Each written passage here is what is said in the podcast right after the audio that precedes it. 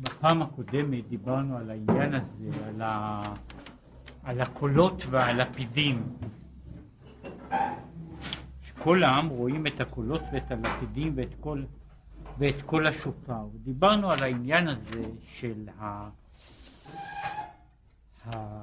שלפני מתן תורה, זה היה, זו הייתה התמצית, כל השופר שלפני מתן תורה והסיבה שהיה צורך שיישמע כל השופר הזה לפני מתן תורה, שכל זה עמד, כל זה עמד על הנקודה הבאה.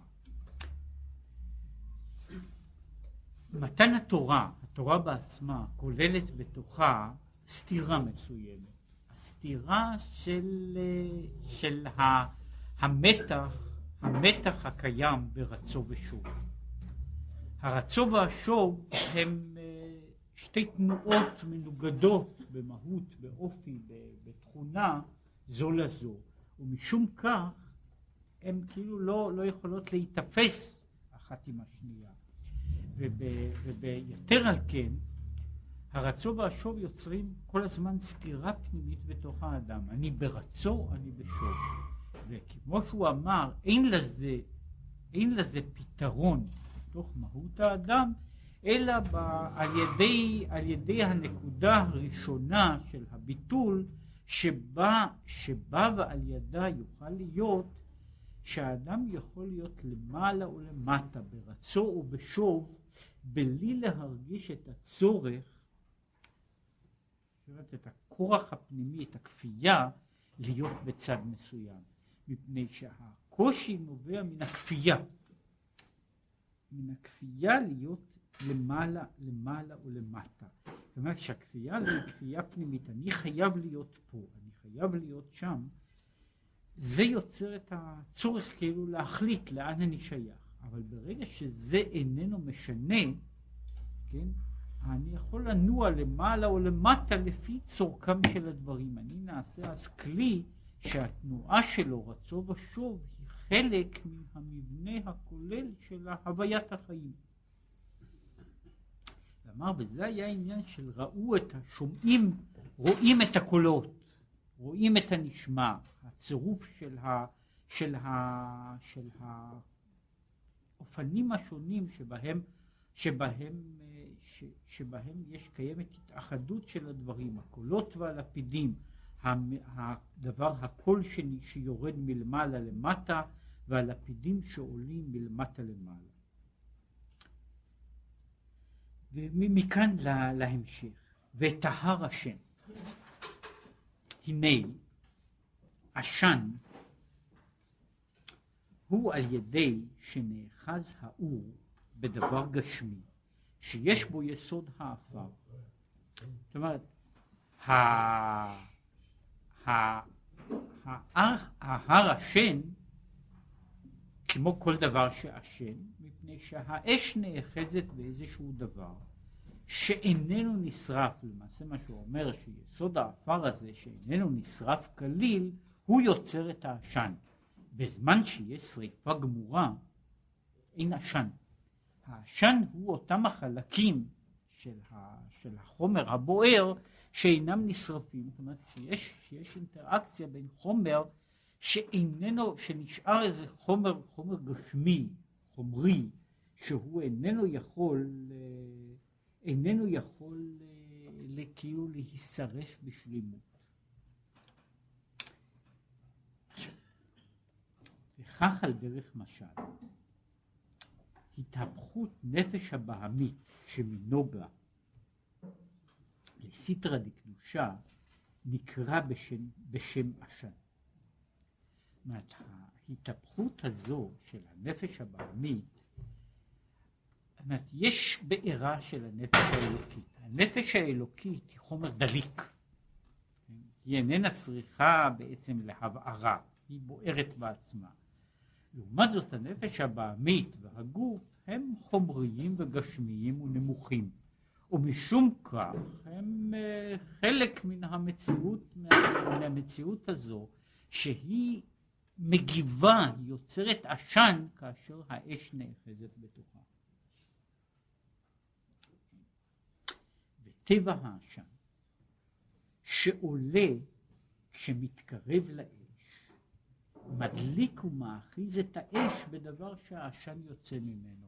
זאת אומרת, העשן נעשה מין אה, צינור כדי להאחיז את האש. העשן יוצא, ובתוך העשן הזה יש מה שקוראים לזה חלקים שלא, שלא נשרפו, שלא נשרפו לגמרי, אה, חלקים שאינם נשרפים, וכשהם מגיעים אל האש, הם יכולים ליצור בעירה חדשה, ומדליקים את הדבר שהעשן יוצא ממנו. וכך, על ידי ההר עשן נעשה המשכת קולות ולפידים, שהם בחינת רצו ושוב בסטרא בקדושה כנזכר לעיל. כאשר ההר, שהוא הר גשמי, ההר מתחיל לבעור, כן? למעשה, גם זה, זה הביטוי במקרא, שההר בוער באש עד לב השמיים. זאת אומרת, כאשר ההר בעצמו בוער באש, כאשר ההר בוער באש, ההר איננו נשרף כמו דבר אחר. זאת אומרת, הוא, הוא עדיין uh, מעלה עשן, אבל העשן הזה של ההר, הוא יוצר, הוא עכשיו יוצר התלקחות חדשה, וממנו נוצר, נוצרים אחר כך הקולות והלפידים. זאת אומרת, כמו שהוא יסביר, לעניין שלנו, לעניין שלנו, הרי השאלה היא, דיברנו על מתן תורה של מעלה, דיברנו על, על השפעה של מעלה, על מתנה של מעלה. יש צד אחר בדבר הזה, שהוא לא בהשפעה של מעלה, אלא איך אדם יכול לייצר, ליצור בתוכו את האפשרות שבה יקרו דברים כאלה. כלומר, אנחנו מדברים פה על נקודה אחת שהיא נקודה עליונה, נקודת ההתבטלות הגמורה. קול השופר שהוא קול של מעלה. הקול הזה של מעלה כאילו משתיק, כולם עומדים, זה עושה שלום במרומה ויעשה שלום עלינו. עכשיו, הוא אומר שיש לזה גם מכניזם אחר, והמכניזם האחר הוא כאשר ההר השם. זאת אומרת, כאשר אני מאחיז את האש בתוך, בתוך ההר בעצמו, כשאני מאחיז את האש ב, בתוך תחומו של ה... בתוך תחומו של הגשם. וכאשר העולם, העולם הגשמי, הדבר הגשמי מתחיל לבעור, הוא מייצר אז התלקחות, כן? שיכולה ליצור אחר כך אש חדשה. עכשיו, לשם זה צריך להדליק את ההר בעצמו. מה צריך להדליק את, את החלקים הללו שבטבעם הם החלקים שכוללים כוללים את החומר הגס, שהוא מייצר שוב את, את העשן הזה, את כל אותם החלקים שיכולים ליצור בעירה. עכשיו, הוא ממשיך שם, ההמשך של הכתוב הוא וירא העם וינועו ויעמדו מרחוק. והנה, יש פה פעמיים העם, באותו, באותם המקראות. הנה, העם האמור למעלה ברישא דקרא, שנאמר שם, וכל העם רואים את הקולות, קאי על ישראל. זהו, העם הזה זהו עם ישראל. אבל סיפא דקרא, בסופו של המקרא, שנאמר וירא העם וינועו, קאי הוא מתייחס לערב רב, שלא היו רואים את הקולות, רק ויעמדו מרחוק. הרי במעמד הר סיני נמצאים כולם. נמצאים ישראל ונמצא הערב רב. ומהו ההבדל? אומר ההבדל הוא שישראל רואים את הקולות. הערב רב, כן, הם לא רואים את הקולות, הם רק וינועו ויעמדו מרחוק. מפני שהוא מיד יגיע לעניין הזה של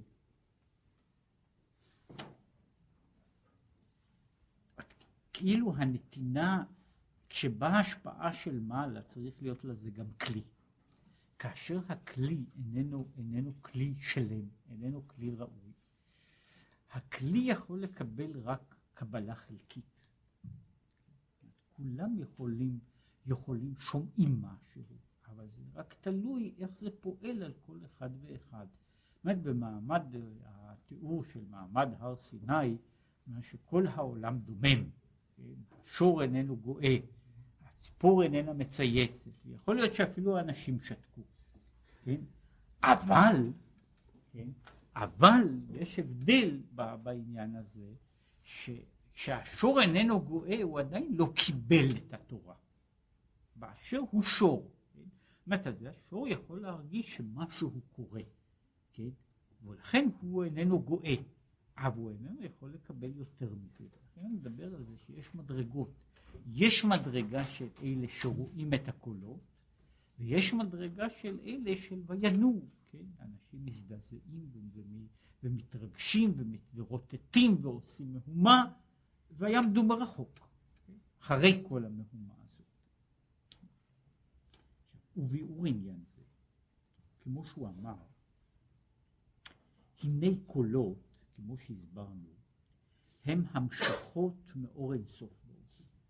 שהרי הוא דיבר על העניין שהקול פירושו ההמשכה שבאה מלמעלה. האור, הדבר הזה שמקשר בין הפנים והחוץ. והקולות האלה הם קולות של מעלה. דהיינו, מה זה ההמשכת מאור אינסוף? מה שאור אינסוף ברוך הוא שורה ומתגלה במה שבטל אליו יתברך. אור אינסוף שורה בדבר, אבל אור אינסוף איננו שורה בכל דבר, אלא הוא צריך כלי, והכלי שהוא צריך לו הוא הכלי הזה של, של ההתבטלות הגמורה. אני חושב שהזכרתי כבר שמסופר שהיה מהלך, בעל חידושי הרים, היה הולך בין החסידים ושואל אותם, איפה נמצא הקדוש ברוך הוא? כשהיו אומרים לו, מה זאת אומרת איפה נמצא הקדוש ברוך הוא? הקדוש ברוך הוא נמצא בכל מקום. היה אומר, אתם טועים, הקדוש ברוך הוא נמצא במקום שנותנים לו להיכנס. עכשיו, זה ביטוי אחד, פשוט רק יותר חריף, יותר, יותר חד, של אותו רעיון בעצמו שאנחנו מדברים בו כאן. איפה נמצא הקדוש ברוך הוא? במקום שבטל אליו. כשאני אינני נותן לו להיכנס, או שאני מתנה את רשות הכניסה רק שהוא יבוא אליי ביום שני וחמישי ורק בין השעה שלוש עד ארבע, כן, ולא בזמן אחר, אז יכול להיות שהקדוש ברוך הוא בכלל לא בא. הבעיה היא למעשה, כדי שתהיה אפשרות שהעניין האלוקי ישרה על דבר, הדבר צריך להיות בטל ככלי. בזמן שהכלי הזה איננו בטל, האור, האל, אור אינסוף איננו שורה עליו. יש בתניא בכמה מקומות, יש באיגרת שלמה, ששם הוא מסביר את ההבדל בין העניין הזה של השראת אור, האור לבין העניין הזה של מציאות השם. מבחינה של מציאות השם, אז אין מעצור. מבחינה זו מלוא כל הארץ כבודו, את השמיים ואת הארץ אני מלא. כשאנחנו מדברים על השראת השכינה, אנחנו מדברים על, על מציאות האלו, העניין האלוקי בצורה כזו שהכלי נפעל מחמת, מחמת ההערה הזו.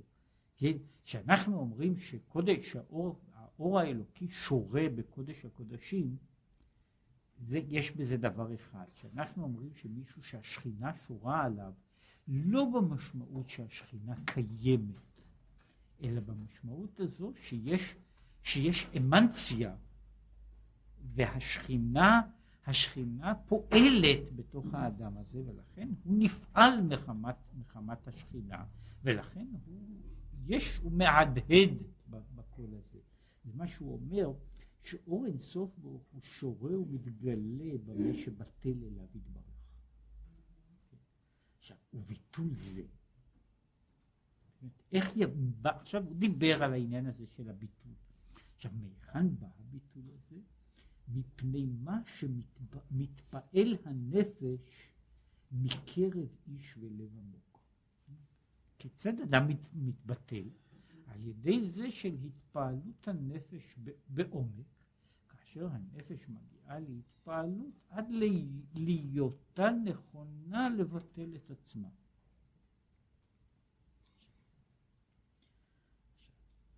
עכשיו, עם כל זה, עם כל ההרגשה, הוא אומר ככה, התבטלות, ההתבטלות היא הכנת המקבל להיות מקבל.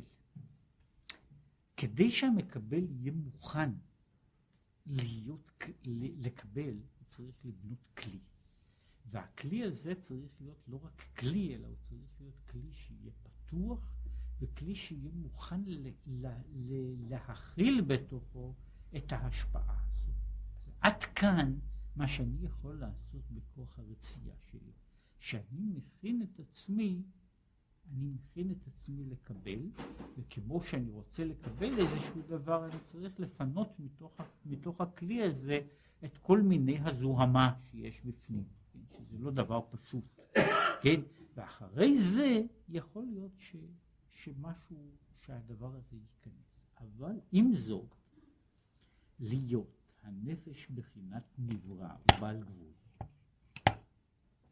הוא מתפעל מאינסוף ברוך שאינו בבחינת גבול, ולית מחשבה תפיסה בכלל, הרי זה בחינת קול, כמו שהוא קרא לזה, קולות, המשכה מאינסוף ובלי גבול לבחינת גבול. העם שומעים את הקולות. כדי לשמוע אותם, אז יש לזה, אני צריך שאוזן כרית לי. אני צריך שתהיה לי אוזן שומעת. אבל גם כשיש לי אוזן, האוזן שלי איננה יכולה לשמוע אלא דברים בהגבלה. כן? ולכן היא, חי... היא צריכה לשמוע כל השם מדבר, זאת אומרת, היא יכולה לשמוע את הקולות, היא איננה יכולה לקבל את הערת האינסוף. מכל מקום יש קול שהוא המשכה, הערה שבאה מן האינסוף אל הסוף. אבל גם ההערה הזו שבאה אל העולם הסופי, היא דורשת את ההכנה כדי שהיא תוכל, שהיא תוכל לקבל את הכל. אומרת, אין אני שומע את הכל, אלא אם כן אני כלי מוכן לקבל את הקול הזה. זאת אומרת, באיזושהי מידה, זאת היה צריך לומר, בערך, כן? כדי שהכלי ש... הכלי שלי יוכל ל... לקבל את הכל, צריך שיהיה באיזשהו רזוננס, באיזשהו תהודה עם, ה, עם הקול המדבר. עכשיו, ברור שאני לא יכול להיות בדיוק באותו, באותו אופן, אבל יש לי תהודה. כלומר, אני מכין את עצמי עד לדרגה כזו שהכל יכול לפעול בתוכי, ואז יש עניין של השראה. משום שכאשר הכל איננו פועל בתוכי, איננו מהדהד בתוכי, אז אמר, הכל עובר דרכי, אבל לא עושה שום דבר, כן? הוא רק uh, עובר שם, זאת אומרת, זה מבחינה זו, זהו, זהו שטח ריק, חלל, חלל פנוי, שבו עובר הקול הזה, כמו שעוברים כך וכך קולות אחרים, כן?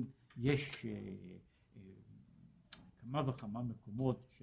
שבהם דובר העניין הזה, שאמרו ש, שבכל יום יוצאת בת קול מהר חורב ואומרת שובו בנים שובבים. אז הקדוש ברוך הוא מדבר בכל יום, הוא פונה לבני אדם ואומר להם משהו, כן? עכשיו, יש אנשים שנמצאים באיזשהו יחס, באיזושהי תהודה, ואז הם שומעים שהקדוש ברוך הוא אומר להם שובו בנים, כן? אבל יש כאלה שהם ממשיכים ללכת הלאה, לא מפני שהם לא היו נעצרים, אלא מפני שהם אינם שומעים את הקול. יש מין מצב, הוא מתואר בכל מיני מקומות, כשקורה לאדם, לפעמים על ידי מקרה, לפעמים בטעות, לפעמים על ידי רגע כזה, שבן אדם שומע את הקול, הוא איננו יכול להגיד לא. אבל כרגיל אני כל כך לא מכוון לגל הזה, כן? שכל העניין הזה הקדוש ברוך הוא משדר מהר חובריה ושום דבר, אני מכוון לגל אחר, אני שומע את הגל הקל עכשיו, כן? ולכן אני לא יכול לשמוע את הכל מהר חורב, אין לי, אין לי אפשרות, כן? וזה מה שהוא קורא לזה, הבעיה הזו של בניית התהודה, כדי שאני אוכל, אני אוכל לקבל את הקול הזה. עכשיו הוא אומר, וזהו העניין של, של אלה שיש להם התפעלות הנפש שמכשירת אותם לשמוע את הקולות. אבל ערב רב, לא היה בהם כוח והתפעלות זו מהתבוננות בגדולת אינסוף ברוך הוא בעצמו כבר יכול.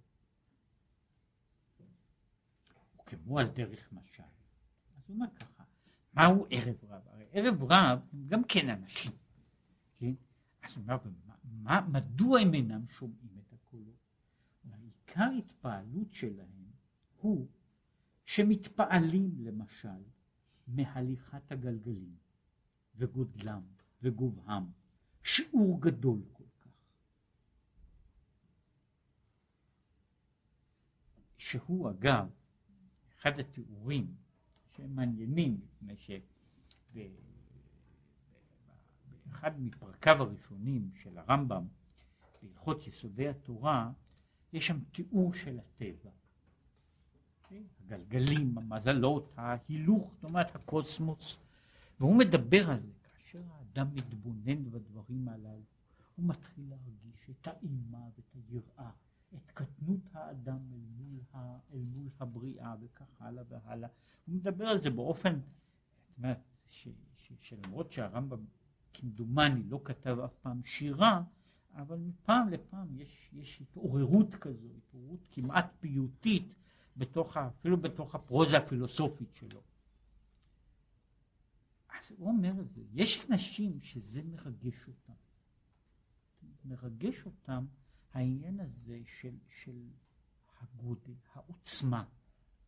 והעניין הזה הוא, הוא מרגש אותם, והוא מביא אותם לאיזו הרגשה של העניין האלוקי.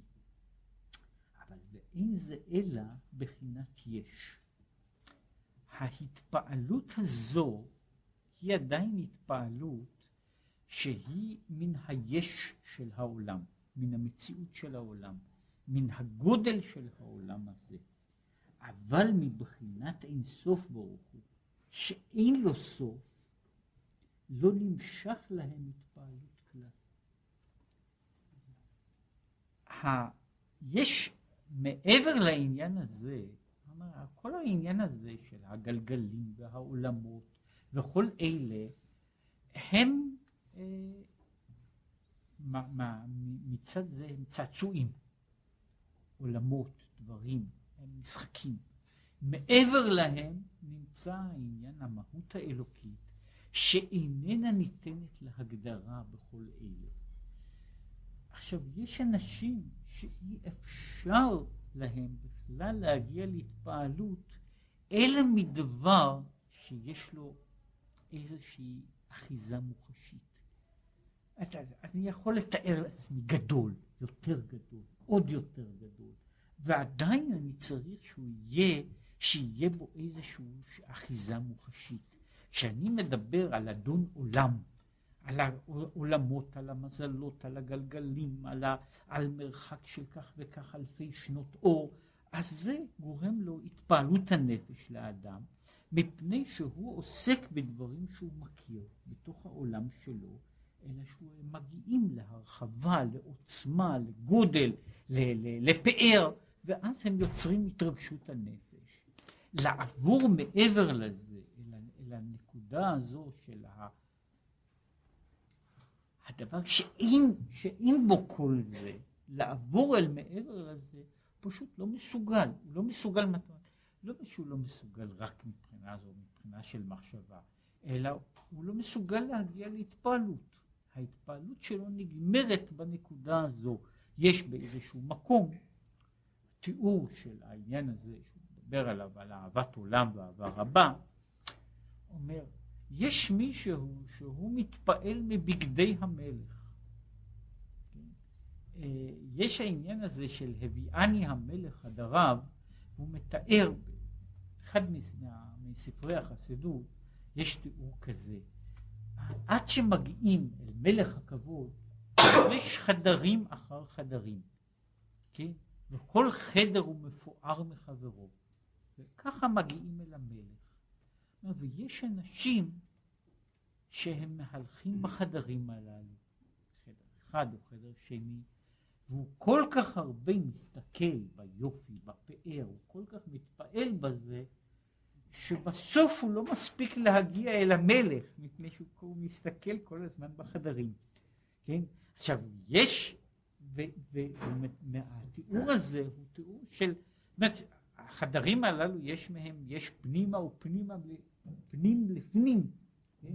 אומרת, יש אנשים שמתפעלים מסוג אחד של דברים, יש אנשים שיכולים להגיע לדקות או למורכבות גדולה יותר, והם עדיין מסתכלים בחדר. כן? הם עדיין יכולים להתפעל רק מן המלבוש. כן? ואת המלך בעצמו הוא לא יכול לראות, זאת אומרת, אם הוא היה רואה, בכלל אם הוא היה מגיע לראות, אז זה לא עושה עליו רושם. כן? הבגדי הפאר עושים עליו רושם. לכן הוא אומר, מפני שיש אנשים שהתפעלותם יכולה להגיע רק עד הנקודה הזו, שהיא בסוף מתייחסת אחרי הכל, תפיסת האלוקות שלו היא של אדון העולם, מושל המציאות וכיוצא בזה. לכן אמרו ערב רב שהם אחר כך שעשו את העגל הם רוצים אלוהים אשר ילכו לפנינו. שהכוונה היא שיראוהו בעין גשמי. זאת אומרת, הפיתוי הזה של יצירת העגל הוא, הוא אותו פיתוי, זאת אומרת, הוא נובע מאותו דבר בעצמו. האיש הזה מעולם לא עבר את המחיצה של גבולות החומר.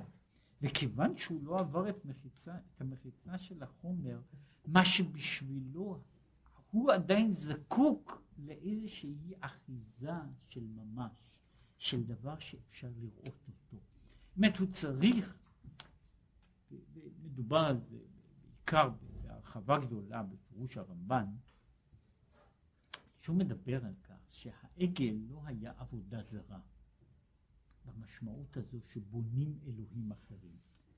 העגל היה צריך לשמש סמל של הדבר האלוקי. מה הבעיה בזה? שאנשים לא יכלו להתייחס למהות מופשטת. הם צריכים איזשהו, איזשהו עגל, כן? איזשהו דבר שאפשר יהיה להתייחס אליו. לכן הוא אומר, אותם האנשים שלא יכלו מקודם לראות את הקולות, מפני שהמעבר הזה, אל מה שהוא קורא לזה, לראות את הקולות, לעבור אל מעבר למחיצת החושים, לעבור אל מעבר למקום הזה שבו כל הדברים נעלמים, כל הפרטים וההבדלים והחלקים נעלמים, לעבור אל מעבר לנקודה הזו הוא בלתי אפשרי בשבילם. ולכן בנפילתם הם עושים עגל. יש ב, ב, בכל אחד מהדברים, יש פה מה שהוא קורא לזה הסבר מדוע, מדוע קורה, ויש על זה הסברים בספרי חסידות על הרבה עניינים, שכשאדם חוטא, בדרך כלל הוא חוטא חטא שהוא אופייני. אדם איננו חוטא חטא שאיננו מתאים לאישיות שלו. וכל החטאים שאדם חוטא הם חטאים שבנויים לפי מערך האישיות שלו. אותו מערך שבתמונה של מעלה הוא מביא לתחום אחד, הוא בדבר אחר מביא לתחום אחר. כמו שאומר אה, רבי צדוק הכהן, שבן אדם שהוא בעבודתו היא באהבת השם. כשהוא מגיע לנפילה ולחטא הוא חוטא בזנות. בן אדם שעבודתו היא ביראת השם כשהוא נופל הוא חוטא ברציחה. כן? זאת אנשים אינם חוטאים מחוץ לאופי שלהם. אותה, אותה מהות בנויה, יוצרת אותו דבר בעצמו, אנשים בנויים באותו אופן, למעלה ולמטה. עכשיו הוא אומר, גם כשהם עמדו לפני הר סיני בקבלת התורה, מה שהם ראו היה בסך הכל את מה שקוראים לזה, את המרכבה. כן? יש התיאור הזה, ש, שהחטא העגל הוא שכאילו לקחו אחת מחיות המרכבה ושמו אותה. כן? זאת אומרת, אני רואה עד המרכבה, אני רואה את הכיסא. את הדמות שמעל הכיסא, אני לא מסוגל לראות. אני מסוגל, ולכן אני רואה, העניין האלוקי שלי, מה שקורא לזה, זה המוליך של הטבע. ולכן כשיש נפילה ויש ירידה, אני רוצה להיאחז בדבר שהוא שוב דבר שהוא באותו אופן, שהוא בתחום השגתי, אני לא יכול לצאת מעבר לזה. עכשיו, מכאן הוא עובר לעניין, לעניין שהוא דומה ולא דומה. ובזה יובן מה שאמרו חז"ל על המזיקים. יש, יש בחז"ל הרבה מאוד על המזיקים, כל הסוגים. שאומר ככה, אלמלא ניתנה רשות לעין לראות, אז היו רואים שהם ממלאים את כל העולם, כן, אלף, אלף משמאלו, רבבה מימינו, אה, בלשון הגמרא הם מקיפים אותנו כמו, כמו אה, עוגת עוגת המטע לעץ, כן? כל הזמן בן אדם מוקף במזיקים, הוא לא רואה אותה. אז מה זה העולם מלא מזיקים, מכל המינים, מכל הסוגים. ואנחנו אם היינו יכולים לראות אותם, לא היינו יכולים לעמוד מהאימה. עם כל המזיקים האלה, אף על פי כן אין עושים כלום. המזיקים בסופו של דבר שומרים מרחק, כן? הם לא מזיקים. יש מזיקים, אבל הם לא מזיקים. למה הם לא מזיקים? מפני מורא שמיים. הם, יש להם יראת שמיים, ולכן הם לא מזיקים. כן? וכראית בגמרא, שאומר שמה שהשד, רבם של השדים, אומר לרבי חנינא בן דוסה, שאלמלא מכרזו עליך ברקיע, היזהרו בחנינא ובתורתו, אז הייתי עושה דמך כשתי מעות, כן? אז, אז הוא אומר, אז הוא עומד, הוא הולך שם, והרבם של השדים פוגש אותו, ואומר, אתה יודע, לא היו אומרים עליך שאתה אדם גדול, ושצריך לשמור אותך, אז הייתי עושה ממך עפר ואפר. כן, אז המזיק לא, בכל זאת, כן, המזיק לא עושה ממנו עפר ואפר, להפך. כן. עכשיו הוא שואל שאלה, מאחר שיש להם מורא שמיים כל כך, עד שלא יוכלו לעבור את פי השם. הרי בחינה זו גדולה משל אדם שהוא בעל בחירה. אז יוצא לפי זה שהמשד, כן, רבם של השדים, שהוא יודע שבן אדם מסוים הוא איש קדוש, הוא לא נוגע בו לרעה. הייתי רוצה לראות שהשכנים שלו יתנהגו ככה, כן? זה לא, זה לא שייך בכלל, כן? זאת אומרת, אז המזיק, המזיק הגדול, רבם של השדים, יש לו יראת שמיים והוא לא פוגע באדם לרעה. כן, מדוע שיש לו יראת שמיים? אם כן, למה נקראו מזיקים? בריות כאלה, זאת אומרת בריות כאלה שיש להם יראת שמיים כל כך הרבה, כן, אז למה קוראים להם מזיקים? זה, זה אגב אומר משהו, שיכול להיות מישהו שמלא יראת שמיים ועדיין הוא מזיק. כן? עכשיו הוא מסביר בתוך הדבר. אך העניין, שזהו כלל גדול, שעיקר ההפרש בין סיטרא דקדושה, צד הקדושה, ובין קליפה וסיטרא אחריו, מה ההבדל ביניהם?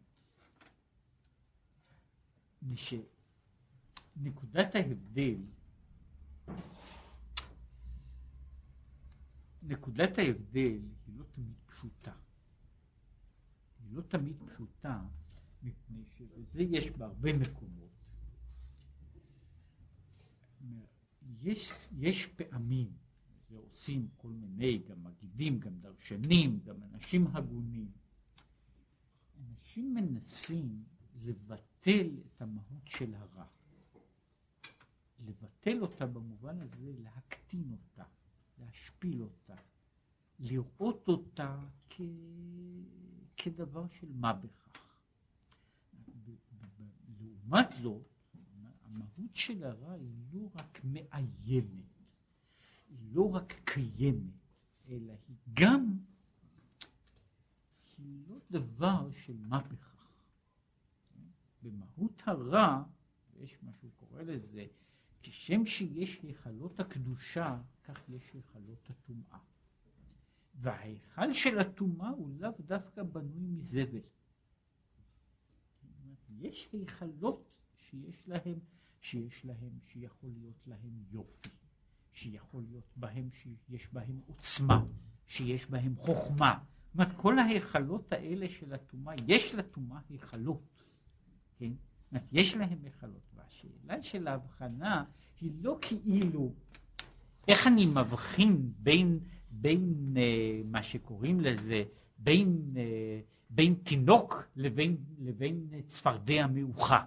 זאת אומרת, לא זאת השאלה של ההבחנה, אלא בעיית ההבחנה היא איך אני מבחין בין, uh, בין מלאך קדוש ל, ל, למלאך טמא.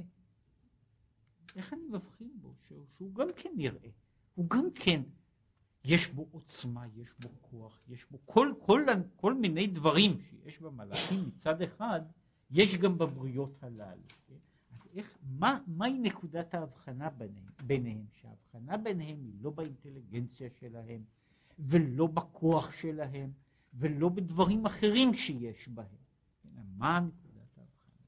נקודת ההבחנה היא שהמלאכים ונשמות בסיטרא דקדושה יש להם ביטול מהמשכת אור אינסוף ברוך הוא בעצמו ובכבודו כביכול. בסופו של דבר הם מתבטלים אל האור האלוקי בעצמו. ולכן ביטול המלאכים גדול עד למאוד, שתיפול עליהם אימתה ופחד אשר לא יוכלו שאת. כי המשכה זו מאור אינסוף ברוך הוא עצמו, היא אצלם בבחינת גילוי. כל סטרא דקדושה זה ש, שיש בו ההתייחסות אל האלוקי כשלעצמו. ולכן אצל המלאכים, אצל ברואי, ברואים ש, של מעלה, ההתייחסות תהיה אל, המה, אל, אל האור האלוקי כאילו החשוף, ומשום כך הם נמצאים באימה מתמדת, כן? מה שהוא קורא לזה שהחיות זעות מחיל כיסא, כן? שהאימה אל מול, אל מול, אל מול האלוקי שאיננו מופיע, ב, איננו מופיע בעיטוף ואיננו מופיע ב, בתוך דבר מסוים, אלא בכל דרגה שהיא, ההתייחסות היא אל הדבר האלוקי בעצמו. מה שאין כן, הקליפות בסטרא אחרא, יניקתם ואחיזתם מעלמא דפירודה. כשם שה, שסטרא דקדושה הוא שייך לעולם האחדות, ועולם האחדות הוא העולם הזה שבעצם אין עוד מלבדו, ושבכל מהות שבקדושה מכירה את העניין הזה של אין עוד מלבדו.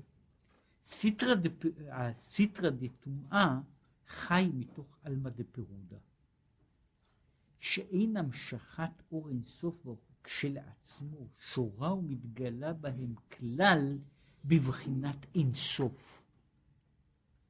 שהרי תופסים מקום. דקרו לי, כמו שאומר שהגויים קוראים לו אללה דאלהיה. אלוהי האלוהים. זאת אומרת, בשבילם, הוא מחלק את זה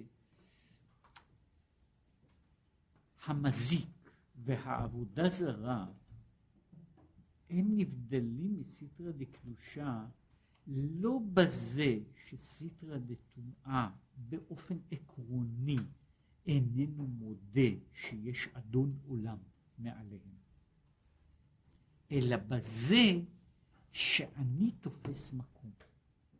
כן? יש אלוהים קטן, ויש מעל גביו יותר גדול, ויותר גדול, גבוה, גבוהים עליהם, ואני מוכן להודות במציאות של מהות עליונה. בתנאי שלא תיקח ממני את האלוהים הקטנים שלי. זאת אומרת שהמהות של העבודה זרה היא לא בשלילה של ההוויה האלוקית כשלעצמה, אלא בזה שאני לא מוכן לפנות לה את כל המקום. אני אומר, יש עוד משהו שהוא ממלא תפקיד ויש לו פונקציה חשובה. זה מה שהוא קורא לזה שהוא תופס מקום. העולם שבקדושה הוא מהצד הזה, הוא פנוי. ההגדרה של אין עוד מלבדו עומדת בתמצית שבכל דרגה ודרגה, ככל, ש, ככל שהוא משיג, אין דבר אחר שיש לו, שיש לו ערך מהותי לעומת זה. ובכל דרגה ודרגה, שזה ברור שככל שיש עלייה מדרגה לדרגה, הבהירות של ההשגה הזאת נעשית גדולה יותר. להבדיל, אצל, ה, אצל, ה, אצל המוסלמים, הם, מישהו, איזה תיאולוג כתב על, ה, על אהבה. והוא כותב שמה שזהו סוג של שירק, זאת אומרת של שיתוף. כן? שזה אחד מהחטאים באסלאם, כמו, ב, כמו, ב, ב, כמו שיש להבדיל אצלנו, העניין הזה שמשתפים את הקדוש ברוך הוא עם עוד אלוהות אחרת. הוא אומר שהאדם שמאוהב הוא חוטא בשיתוף. הוא חוטא בשיתוף. זאת אומרת, הנקודה היא פה של, של עולם שאני נותן לדבר, כן? מה הקדוש ברוך הוא באמת גדול, הוא למעלה מעלה, גבוה מעל גבוה. אבל יש עוד משהו שהוא חשוב ואני לא מוכן לוותר עליו. שהוא עומד, הוא עומד בפני עצמו, זה מה שהוא קורא לזה אלה דאלהיה. יש אלה, יש אלה שהוא שלי, של, שלא חשוב, כל אחד בוחר לו את האלוהות שלו. אה, אצל ההודים כמו אצל היוונים, את, את, את האלוהות המיוחדת שלו. אבל מעל לזה יש עוד מהות אחרת, שאגב היא נכונה אפילו לגבי התיאולוגיה של, של ההודים, כן? שהם מכירים שיש מהות עליונה, גבוה מעל גבוה, מופשט מכל מופשט, כן? אלא שיש אלוהות, יש דבר כזה, יש דבר כזה, וזה מה, זה דבר, זה מהות. עכשיו הוא אומר, מפני זה, פירושו של דבר, שלעולם אין כאן תפיסת אינסוף. הוא אומר הקדוש ברוך הוא גדול. פי אלף, פי מאה, שלושה קילומטר, ארבעה קילומטר בגודל. האל שלי הוא קטן ונוח לשים אותו בכיס, כן? אז הוא אה, ניתן לשימוש בכל יום. זה הרבה אנשים טענו. בכל מיני מקומות הוא ניתן לשימוש, הוא, הוא דבר שאני יכול להתייחס אליו, שאני יכול, שאני יכול ל, ל, ל, להתקשר אליו. אבל ברגע, אם הייתה תפיסת אינסוף, אז אין לא יכול להיות, אין עוד, אין עוד מלבדו. במקום שאין תפיסת אינסוף, אז יש כל אחד תופס מקום. אז הוא אומר ככה, התמצית של סיטרא, סיטרא אחרא היא לא בכפירה והיא לא בשלילה והיא לא בשנאת הקדושה, אלא בזה שהיא מצמצמת את הקודש לגבולות. כן? שתפיסת הקודש שלה היא תפיסה שעומדת, היא לא תפיסה, היא תפיסת השפיט. היא לא הולכת לבחינת האינסוף. ואשר על כן, כן, ואשר על כן, מכאן, אומר ככה, יש ה, מה שהוא קורא לזה, ופה לא נכנס לכל העניין הזה, המלאך הגדול של סיטרא, סיטרא אחרא, יכול להיות שהוא יודע על תיאולוגיה יותר מכמה וכמה רבנים, כן? מפני שהוא מבין, מפני שהוא אינטליגנטי, כן? אבל יש ההבדל שהוא, שהוא עדיין, שהוא עדיין סטרא אחרא, זה מפני שבמהות הוא לא, הוא לא מוכן לקבל, הוא לא יכול לקבל את תפיסת האינסוף, את התפיסה הזו של אין עוד מלבדו. וזה מה שאחר כך מוציא, מעמיד את הקיום שלו, את הקיום של הדברים שלו, כמהויות אובייקטיביות, כמהויות שאי אפשר. ומכאן אחר כך עבודה זרה, כמו שאגב אומר הרמב"ם בנוסח אחר, עבודה זרה יכולה להתנוון עד לדרגה, מדרגה לדרגה, עד לדבר כזה שאני שוכח שיש קדושה, שאני שוכח שיש, שיש גבוה מעל גבוה, שאני שוכח בכלל את המציאות הזו. זו התנוונות של הסטרה אחרה, שהיא הולכת, יש לה, יש לה מהלך שהיא הולכת צעד אחר צעד, עד שהיא מגיעה לנקודה של, של ניוון, כמו כל מיני דברים, כן, שמגיעים לזה. הוא אומר, זה התמצית של אחרה. על זה נאמר, מלכותך מלכות כל עולמים, וממשלתך בכל דור ודור. שכל עולמות עליונים מקבלים מבחינת מלכותו יתברך, שממליכים אותו, ממליכים אותו, ומלכותו קיבלו עליהם ברצון. זאת אומרת ככה, לכך, בגלל זה, חל עליהם שם מלוכה, כמו במלך בשר ודם, מה שנקרא מלך כאשר בני המדינה המליכו עליהם. הוא מיד יחלק, הוא אומר ככה, מלך הוא זה שאני מקבל אותו שהוא יהיה מלך עליי. בין שבחרתי אותו ובין שאני מסכים להווייתו, אבל זהו, זה נקרא מלך. כלומר, במלך, במלכות, יש חלק שהוא החלק הרצוני.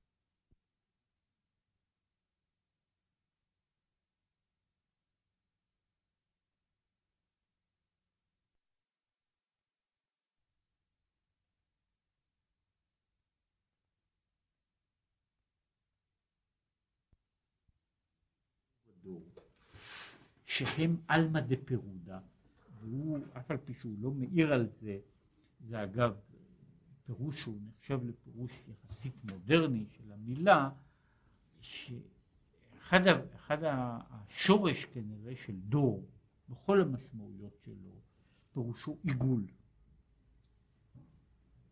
ומכאן באים, אה, באות מילים כמו מדורה, כמו מדור, כמו כדור, כן? ועוד, ועוד אה, אגב גם דרדר. כן? זאת אומרת, שהוא עשוי, הוא עשוי, אה, זה סוג של קוט שעשוי עיגולים עיגולים, כן? וזה נחשב שהמשמעות הבסיסית של דור היא העיגול. מה ככה, יש המלכות, יש העולמים ויש הדור. המעגל החיצון. אז הוא אומר, מלכותך היא בכל העולמים, ממשלתך היא בכל דור, בהיקף החיצון של הדברים, ששם הוא אומר שהם עלמא דפירודה, לא יחול עליהם שמלוכה, אלא ממשלה, שהוא בעל כורחם. זאת אומרת, אני יכול להיות נמשל בלי רצוני. אומרת, יש ההבדל בין המלך והמושל, הוא מחלק, אומר, המלך הוא זה שאני מקבל את מלכותו, המושל הוא זה שדה פקטו הוא מושל. אומר, מבחינה זו, מלכותו ברצון קיבלו עליהם, הוא שאני מוכן לקבל את, את המהות שלו כמהות בלעדית. במקום אחר המהות הזו היא קיימת בשבילי. אני, בין שאני רוצה בין שאינני רוצה. זהו, עכשיו הוא מגיע למין סיום בזה. זהו מה שאומר כאן, מברכים אותך, יתברך שמך בפי כל חי. הקטע הזה בתפילה של מברכים אותך, ויתברך שמך בפי כל חי. זה מסביר כך, פירוש, שאנחנו, בני ישראל, מברכים וממשיכים אותך ממש. במקום אחר הוא מדבר על העניין הזה של, של זה כאן לא עניינו, על המושג של הברכה. הברכה שהמשמעות העיקרית שלה היא המשכת שפע מלמעלה למטה, זאת ברכה. אני אומר, אנחנו מברכים אותך. ממשיכים אותך ממש, דהיינו, המשכת אור אינסוף ברוך הוא בעצמו ובכבודו יתברך. וברכה והמשכה זו היא בקולות. דהיינו, בתורה שניתנה בחמש, חמישה קולות, שהם חמש המשכות. אז אנחנו מברכים אותך, אז אומר ככה, אנחנו ממשיכים, מושכים את הקדוש ברוך הוא. אנחנו מושכים את הקדוש ברוך הוא. איך מושכים אותו? הוא מדבר על הברכה באותו מושג שמדברים על הברכה, למשל, במקומות שהוא מזכיר, את, מסביר את העניין הזה, יש ביטוי שמדברים שמבריחים עץ. אני לוקח עץ, לוקח את הענף שנמצא למעלה ומוריד אותו שיגדל למטה, או כמו כך הוא מבין גם את המושג הזה של הבריכה. הדבר הזה שהמים נמשכים אליו. ואותו דבר, וזה כך ישנו הרבה בזוהר, זה המושג של הברכה. זוהי ההמשכה של האלוקי. אז אנחנו מברכים אותך. עכשיו, איך אנחנו מברכים אותך? על ידי זה, על ידי הקולות, על ידי התורה, שניתנה בחמישה קולות, חמש המשכות. וכמו שהוא מסביר במקום אחר, שהוא אומר, מה זאת אומרת שהאדם קורא בתורה? אז הוא אומר, הוא לא קורא את התורה, הוא קורא את השם בתורה. הוא קורא לו לבוא. אני קורא בתורה. ולכן מפני שהוא אומר, התורה היא מה שהוא קורא לזה, היא הקול, היא הדיבור הזה של הר סיני. כל העם רואים את הקולות, ואנחנו מברכים אותך, אנחנו ממשיכים את הדיבור הזה, את הדיבור האלוקי בעצמו, אנחנו ממשיכים הלאה. עכשיו הוא אומר ככה, דיברנו פה על הקולות, על המשכות מאין סוף. הגם שהתורה מלובשת בעניינים גשמיים. את התורה שאנחנו מקבלים איננה הקולות הסופרנטורליים של מתן תורה. הקולות שאנחנו, שאנחנו מקבלים הם התורה שלנו, שהיא ברובה, רובה ככולה, מלובשת בדברים גשמיים, בעניינים גשמיים. וגם אנחנו מלובשים בגוף הגשמי.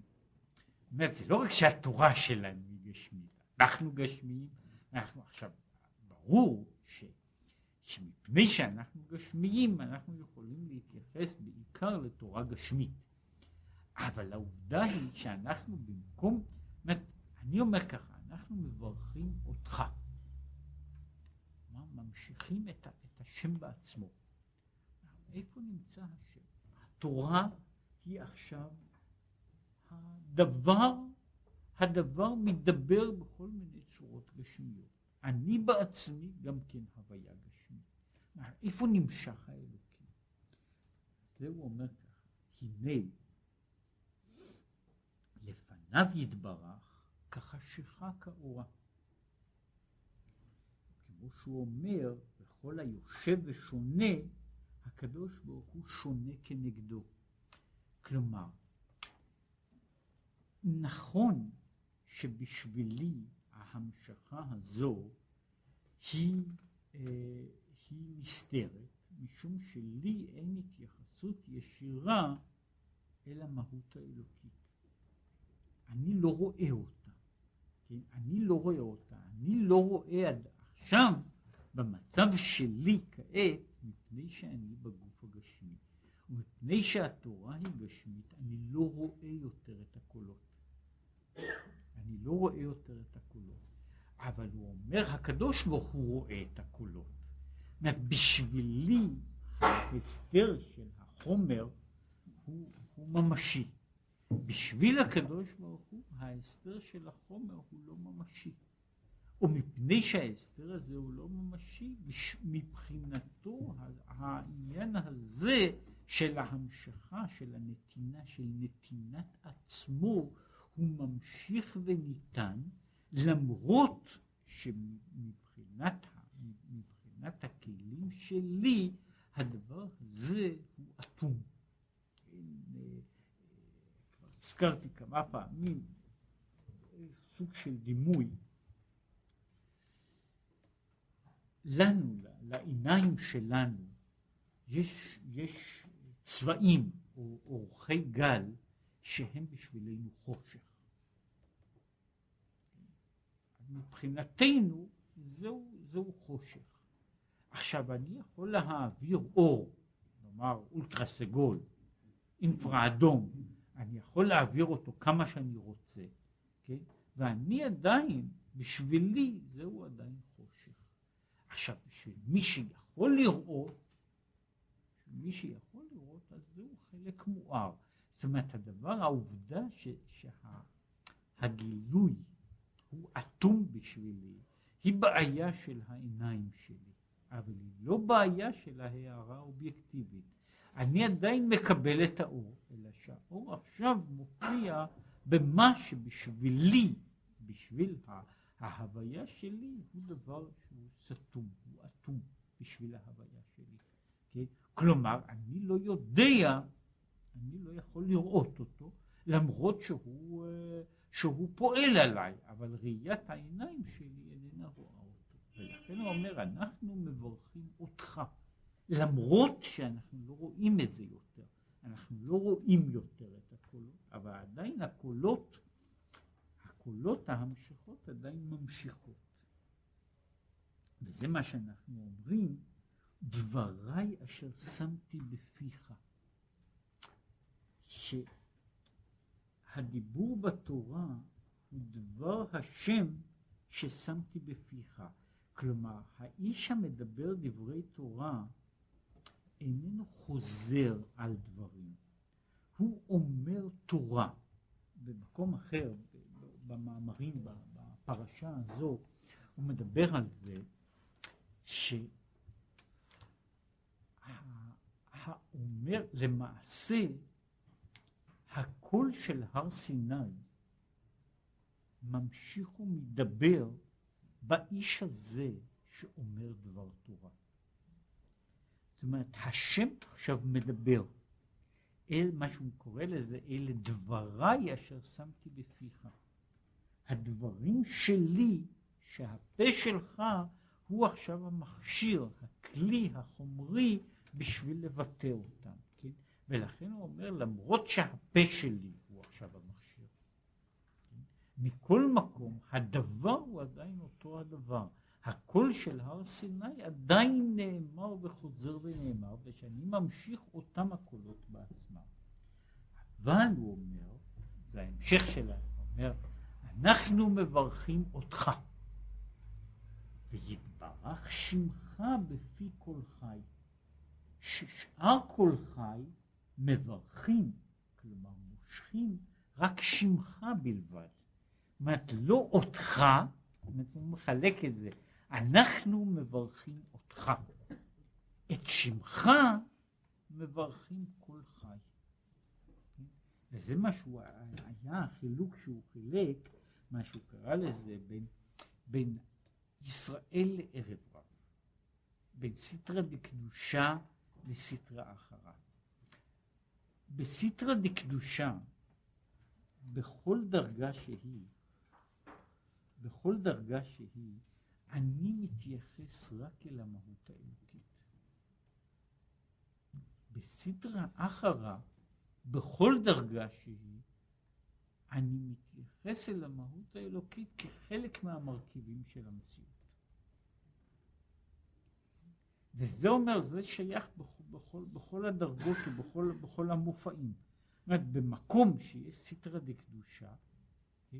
במקום שיש סטרא דקדושה, עכשיו, בדרגה הזו שלי אין עוד מלבדו. באותה דרגה שבה אני עומד אין עוד מלבדו. וזה הולך עולם מעל עולם בבחינת הבהירות של הדבר ובבחינת התחושה שלו.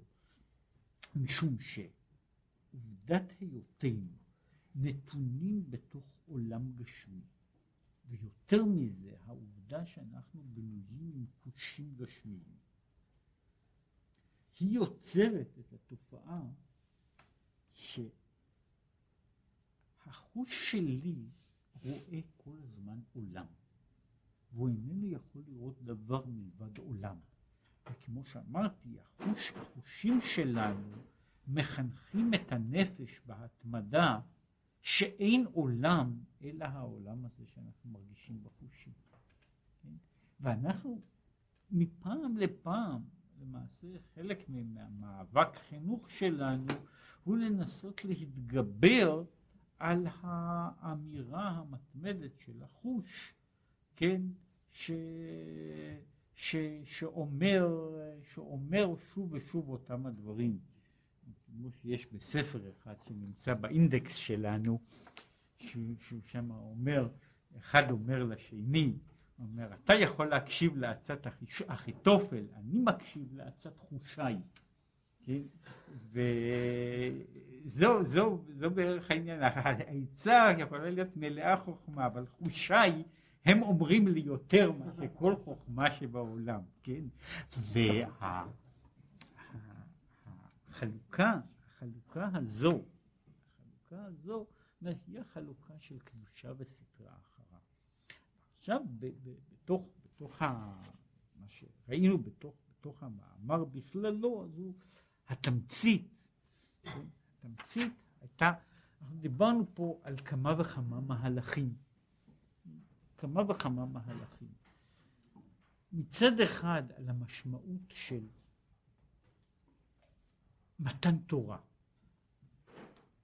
שיש אפשרות תיאורטית להגיע לקדושה באופן כאילו עצמאי, אלא שהאפשרות הזו תלויה במהות מיוחדת של נפשות מצד אחד, באפשרות יוצאת מן הכלל של הנפש לעמוד במתח ובקרע של הרצו והשוב, שהם חלק מהעניין הזה, ויתר על כן, הדבר הזה לעולם מתייחס, לעולם, לעולם איננו יכול להתייחס אל המציאות של העולם שלנו. מתן התורה משנה את הדברים הללו, משום שהוא נותן את האפשרות של האדם, של האדם, להגיע אל הקדוש ברוך הוא בדרך הכלים, דרך הכלים והמכשירים של ההוויה הגשמית שלו. ולעשות את זה בלי שהוא יצטרך להיקרע בתוך הסתירה שיש במהלך, במהלך אמיתי של חיים בין המעלה והמטה. עכשיו, הדבר הזה אומר, נובע מאיזושהי נקודה של ההתבטלות השלימה של, של כל השופר שמבטל את המהות שמבטל, ש, שמגיע לנקודה, למין מין נקודת אינסוף, שבאותה נקודה המעלה והמטה, הרוחני והגשמי, הכללי והפרטי, הם מפסיקים להיות כוחות ש, ש, שנאבקים אחד בשני, אלא הם נעשים, כל אחד עומד בתוך הדרגה שלו. כנגד זה יש בתוך האדם, מה שהיה לנו, דיברנו הפעם, העניין הזה של ההר השם. שריפתה, זאת אומרת הבערתה של ה... מה שהוא קורא לזה, אם האש נאחזת בגוף ובנפש הבהמית, היא יוצרת מעין התופעה הזו. זאת אומרת, התופעה הזו של, ה, של המגע באינסוף, שהיא צד אחד, הוא נובע, הוא יכול להגיע, יש לו דופליקציה באופן אחר על ידי זה שהנפש הבהמית והגוף הגשמי נדלקים בעניין האלוקי. וזה פה הוא לא, לא נכנס לכל העניין הזה, אבל הוא מדבר שבמובן מסוים הרבותה, במובן אחד אולי נקודת אינסוף שבתוך האדם, היא לא הצד שהנשמה האלוקית יכולה להבין משהו. הרבותה של האדם היא שהנפש, שהנפש הבהמית ושהגוף הגשמי יכולים לשמש כלי. זה הביטוי הזה של מי ייתן יקר מזולל, לא אחד. רק, רק הקדוש ברוך הוא יכול להוציא יקר מזולל. מה שהוא קורא לזה להפוכי חשוכה לנהורה. יש הנקודה הזו של האחיזה בגשמי והפיכתו לדבר שהוא לגמרי אחר, היא בעצמה מאחז בנקודת אינסוף. וממנה יוצא בדיוק אותו דבר האפשרות של, של להגיע לנקודה שבה מהפכי הנפש ובעיות הנפש לא יהיו, לא יהיו דברים ש, שהורסים אותה, אלא דברים חלק מהעניין ש, שמתייחס אל האדם. כאן גמרנו בבעיה הזו, מה עומד מול הנקודה הזו, מול נקודת האינסוף הזו. מדוע, מדוע לא בשביל כולם ההר השם? מדוע לא כולם רואים את הקולות?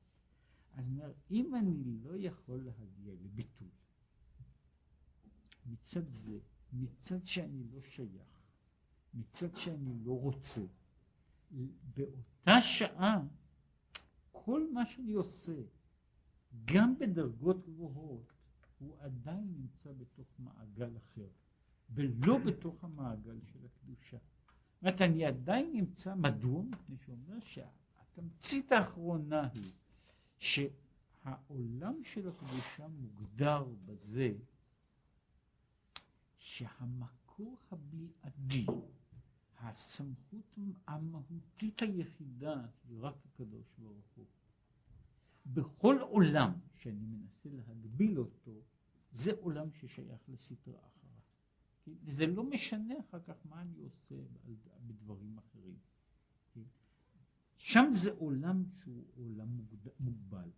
לכן הוא אומר, מבחינה זו המתנה, מתנת התורה, מתנת ישראל היא היכולת להבעיר את עצמם עד לנקודה להיות כלי לנקודת הביטוי. וברגע שבן אדם יכול לעשות את זה באיזושהי נקודה, מישהו מדבר על זה, לכאורה העניין הזה של, זאת אומרת, אפשר לדבר על ביטוי בהיקף, כאילו באותיות גדולות, ויש לו גם, אה, גם אותיות, אותיות זעירות. יש לו, יש כאילו, במובן האחד, הביטול הזה, כשאני אומר ככה, שהנפש הבהמית בטלה לנפש האלוקית, כשאני עושה דבר שאינני רוצה, אני עושה סוג מסוים, אני שורף דבר אחד, משום שבאופן אחר או בביטוי אחר, הסיטרא אחרא בנויה על זה שאני עושה רק מה שאני רוצה. היא בנויה, זו הגדרה אחרת שלה שאומר שיש תפיסת מקום. זאת אומרת, יש דברים שהם אינדיפרנטיים בשבילי. כן? אם מישהו אומר אה, כל זמן מה קרה? כל זמן שהקדוש ברוך הוא לא מתערב, לא במטבח שלי, לא במיטה שלי, לא, ב, לא בשאר הדברים שלי, אז מה אכפת לי שהוא קיים? הנה חינם, באמת מה אכפת לי? זאת אומרת, לעמוד ולעשות מלחמה נגדו זה כל זמן, זה רק בזמן שהוא מתערב בחיים שלי. זאת אומרת, אם הוא היה מניח לי לעשות את החיים שלי כמו שאני רוצה, אז מה אכפת לי שהוא יושב בשמיים? בכלל לא אכפת לי שישב לו, כן? להפך, כן?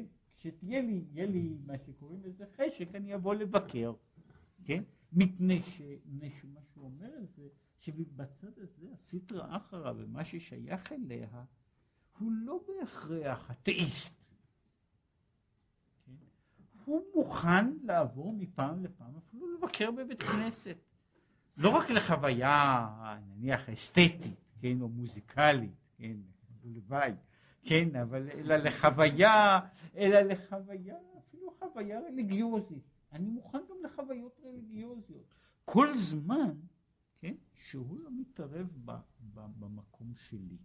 כן, כל זמן שהוא יכול להיות מוגבל בתוך תחומו. במקום הזה שאני מוכן לעבור את התחום של האני שלי, אני שורף, מה שהוא קורא לזה, אני שורף ההר, הש... ההר השן, מאותה שעה יש התחלה שאני מתחיל לשמוע את הקולות, ואז יכולה להיות קבלת התורה כמו שהוא הסביר.